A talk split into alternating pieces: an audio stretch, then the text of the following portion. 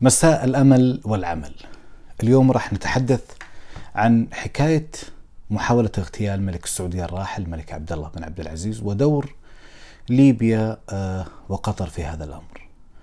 آه، رغم مرور سنوات على تلك الحادثة التي يعني كانت مثار أحاديث الصحف ورواية الرواة إلا انه تفاصيل تلك المؤامرة ما زالت تتكشف يوم عن آخر. وأتذكر إنه العام الماضي كان هنالك رابط مالي يجمع بين المعارض السعودي آه، محمد المسعري والنظام الليبي لتمويل عملية الاغتيال. وكان لابد للإنجليز من الحصول على ضرائبهم من المعارض الذي آه، المعارض الذي احتضنوه لعقود وهكذا قرروا أخذ بيته حسب ما ذكرت الصحف البريطانية. آه، خلال آه، بحثي عن تلك القصة وهدفي كان توثيق مرحلة تاريخية مهمة من تاريخ ملك ومملكة. فقد وجدت آه، بعض المعلومات والتي كان الدافع إليها دافع صحفي بحت وطريقة بحث صحفي بحت تحكي قصة تلك العلاقة الملتبسة بين زعيم كبير أحدث فرقا هائلا في بلاده والإقليم وبين آخرين ربما يرون فيه شهادة على عجزهم وضعفهم. يعني ينظر عبد الله بن عبد العزيز إلى تاريخ أبيه وتاريخ أجداده فيرى مرامح فتوحات ونصال غزوات وعشرات من الشهداء الذين يعني قدمتهم الأسرة الملكية فداء لفكرة وطن ودين في مسيرة توحيد أنتجت. هذه المملكة مملكة ذات ثقل دولي وإقليمي كبير آه، بينما ينظر البعض إلى التاريخ فلا يجدون لهم فيه صفحة أو حرف أو حبرا تائها على ورقة عتيقة. ذلك تاريخ صنعه فرسان من أسرة ملكية تحكم منذ أكثر منذ نحو ثلاثة عقود. ما يزعج الآخرين في عبد الله بن عبد العزيز أنه كان ملكا يستند على تاريخ تاريخ ملكية رسمت حدودها بنفسها. وفي رأيي أنه مشكلة آل سعود مع غيرهم أن لديهم كما كبيرا من التاريخ لا يستطيع أحد شراءه. البعض يستطيع شراء الماركات الفارهة آه، السيارات النفاثة اليخوت لكن مستحيل أن تتمكن من شراء التاريخ. التاريخ أمر مختلف. فعل وديمومة وبقاء وقدر وقدرة ولا يستطيع ذلك كثيرون. كان الملك عبد الله حليم مع ليبيا وقطر رغم أنهما حاولا مرارا الضرب من تحت الطاولة ومن فوقها. لكن رغم ذلك كان الكبار كبارا وكانوا فرسانا فقد رفضت السعودية هبوط طائرة ليبية بعد انهيار النظام القذافي. كونها مسجلة باسم النظام السابق ولا يعتبر هبوطها في المملكة هبوط قانوني. وخلال لقاء مع أمير الكويت قال رئيس المجلس الانتقالي الليبي مصطفى عبد الجليل أنه نريد وساطتكم مع السعودية. معتقد وهذا كان دائما ما أسمع أنه عنده اعتقاد بأن خلاف السعودية مع عائد إلى علاقة ليبيا بقطر وهو أمر آه، كان معروف بشكل كبير وقال بصراحة يعني يمكن تحدث عنها في في حلقات سابقة إنه كنا كالطفل الرضيع حتى أتت قطر وحملتنا إلى العالم وكان ممتنا كامل الامتنان إلى قطر ودورها في في في الأمر ولكن هذا لم يكن دقيق ما كان ما كان الخلاف مع المجلس الانتقالي في البداية يتعلق بقطر لكن المملكة لم تكن راغبة في أن تكون طرف في عمل سياسي غامض آه لم يحز إجماع الليبيين أنفسهم وأعتقد أنه وجهة نظر منطقية ممكن أنه نراها الآن آه فيما يحدث في ليبيا. آه الغريب في الأمر أنه بينما كانت تتسابق العديد من الأجهزة الدولية لمحاولة البحث عن تفاصيل محاولة الاغتيال فإن صاحب الشأن الكبير الراحل الملك عبد الله حصل على اعتراف رسمي ومباشر من أولئك الذين حاولوا اغتياله.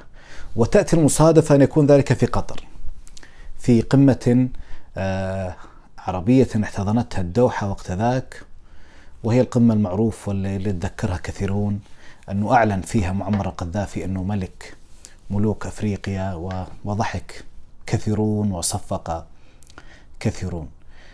خلفيات تلك القمة لم تكن السعودية حريصة على حضورها.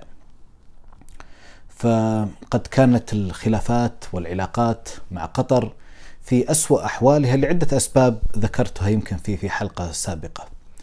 وربما ملخصها أن الدوحة كانت عازمة على تكسير النفوذ السعودي بقدر ما تستطيع في آه، المنطقة والعالم وأنفقت الملايين ولا أبالغ إذا إذا قلت مئات الملايين من من هذا الأمر.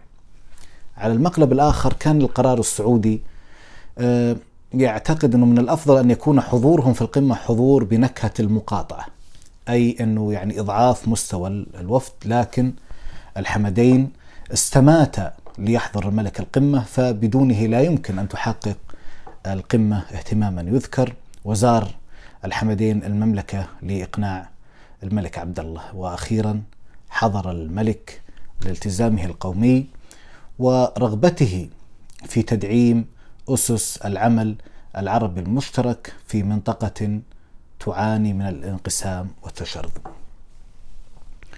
أه، بدأت أعمال القمة بسلام يعني كانت ملامح إيجابية حتى أتت كلمة القذافي وقرر القذافي أن يختم حديثه بسرعة متوجه إلى الملك عبد الله وسط صيحات رئيس رئيس القمة أمير قطر السابق الذي كان يصيح بمعمر قائلا له لا لا يا أخ معمر وكان يطلب منه آه، الصمت وحين يأس طالب المنظمين بقطع آه، صوت الميكروفون. وهذا الأمر الذي أحدث لبسا آنذاك. آه، أقول لأخي عبد الله يعني ست سنوات وأنت هارب وخايف من المواجهة أخ معمر ما تخاف. ومن من, من احترام للأمة واعتبر المشكل الشخصي الذي بيني وبينك قد يعني المشكل الذي بيني وبينك قد الميكروفون احك وأنا مستعد لزيارتك وأنك أنت تزورني. يا أخ معمر و... رجاء رجاء نقطة نظام وعميد الحكام العرب وملك ملوك افريقيا وامام المسلمين. آه، مكانتي العالمية ما تسمح لي اني يعني ننزل لأي مستوى آخر وشكرا.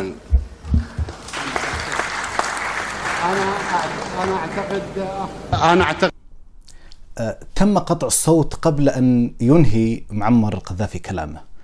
لم يسمع الملك آه، كل ما قيل وأيضا معظم من كان في القاعة لم يسمعوا ذلك و لم يصلهم سوى بعض مما قاله القذافي والبعض صفق لأنه لم يسمع الكلمة كاملة واعتقد أنه فهم أنها كلمة إيجابية. لكن في ثواني معدودة السعوديون طلبوا الخطاب المكتوب وحصلوا عليه.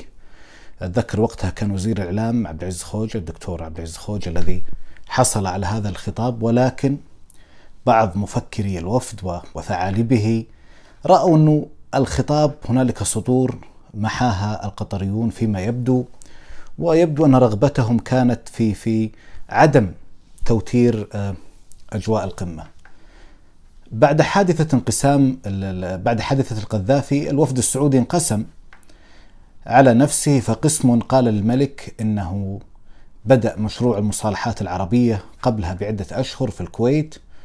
آه، كانت القمة الاقتصادية الأولى القمة العربية الاقتصادية الأولى وقد كان ذلك القرار قرارا لم يبلغ به الملك أعضاء الوفد حينها وقيل أنه لابد أن يكمل الملك هذا المشروع مشروع المصالحة. بينما كان آخرون يرون أنه لابد أن ينسحب الوفد السعودي من القمة معبرا عن رفضه لكن الملك مضى في تلك القمة وقرر أن يبذل مساعي الصلح ويستجيب لها. فيما بعد في نفس اليوم دعي إلى لقاء خاص مع القذافي وكان حضوره أمير قطر والشيخ موزة. وأعتقد أن أحد أبناء أمير قطر السابق إما الشيخ تميم أو الشيخ جوعان كانوا ضمن الحضور. وطبعا حدث أمر ما يحدث إلا فيه في المسرحيات. حين دخل الملك ارتمى آه، عليه عبد الله السنوسي الذي كان أيضا من الحضور وكان رئيس الاستخبارات الليبية. فسقط أمام الملك وطلب منه العفو والصفح واعترف بأنه هو من حاول أن يدبر تلك المؤامرة وقال له إنه معمر لم يكن يعلم عن هذا الأمر أي شيء. وكان عبد الله يعني بما تعلمه من الصحراء ومن أبيه وإخوته الكبار و وسياسة بلاده يعرف أن قرار كهذا مستحيل الحدوث دون معرفة القذافي لكنه رغبة منه في إغلاق هذا الملف نهائيا قال إن هذا الموضوع انتهى. كان الحديث في تلك الجلسة ودي معمر كان يشعر بعدم الارتياح لكن ابن عبد العزيز كان يتحدث والجميع يستمع. آه، في نهاية ذلك اللقاء في نهاية الحوار آثر الملك عبد الله أنه يوجه رسالة لسمو الشيخه موزة والتي كانت حاضرة ذلك الحوار وطلب منها بأنه إيقاف دعمها لمراكز الأبحاث في مصر وقد كان ذلك الوقت يعني مرتبطة بدعم لمركز ابن خلدون الذي كان يرأسه الدكتور سعد الدين إبراهيم وكان الملك يرى بعدما رفع إليه من تقارير بانه هذه المراكز تسبب خلخلة فكرية و وعدم استقرار في مصر. فيما بعد هذه المراكز والأكاديميات القطرية كانت توجه إليها أصابع الاتهام في إنه دورها كان كبير في إطلاق انتفاضات الربيع العربي وفي هز استقرار مصر. بعد حادثة الاغتيال بسنوات وبعد ذلك اللقاء بين الملكي والقذافي بسنوات التقيت ابن عم القذافي ورفيق دربه ومخزن أسراره السيد أحمد قذاف الدم وكان شخصية لطيفة تمتاز يعني بالأناقة القذافية الألوان الخضراء والعصا اللي دايم يحملها. فسألته عن حادثة الاغتيال تلك فأجاب بابتسامة دعنا لا ننكأ الجراح. وهكذا ذهب الربيع المفترى ومعمر والسنوسي والحمدين وبقي عبد الله بن عبد العزيز. كبيرا في التاريخ وحيا رغم وفاته.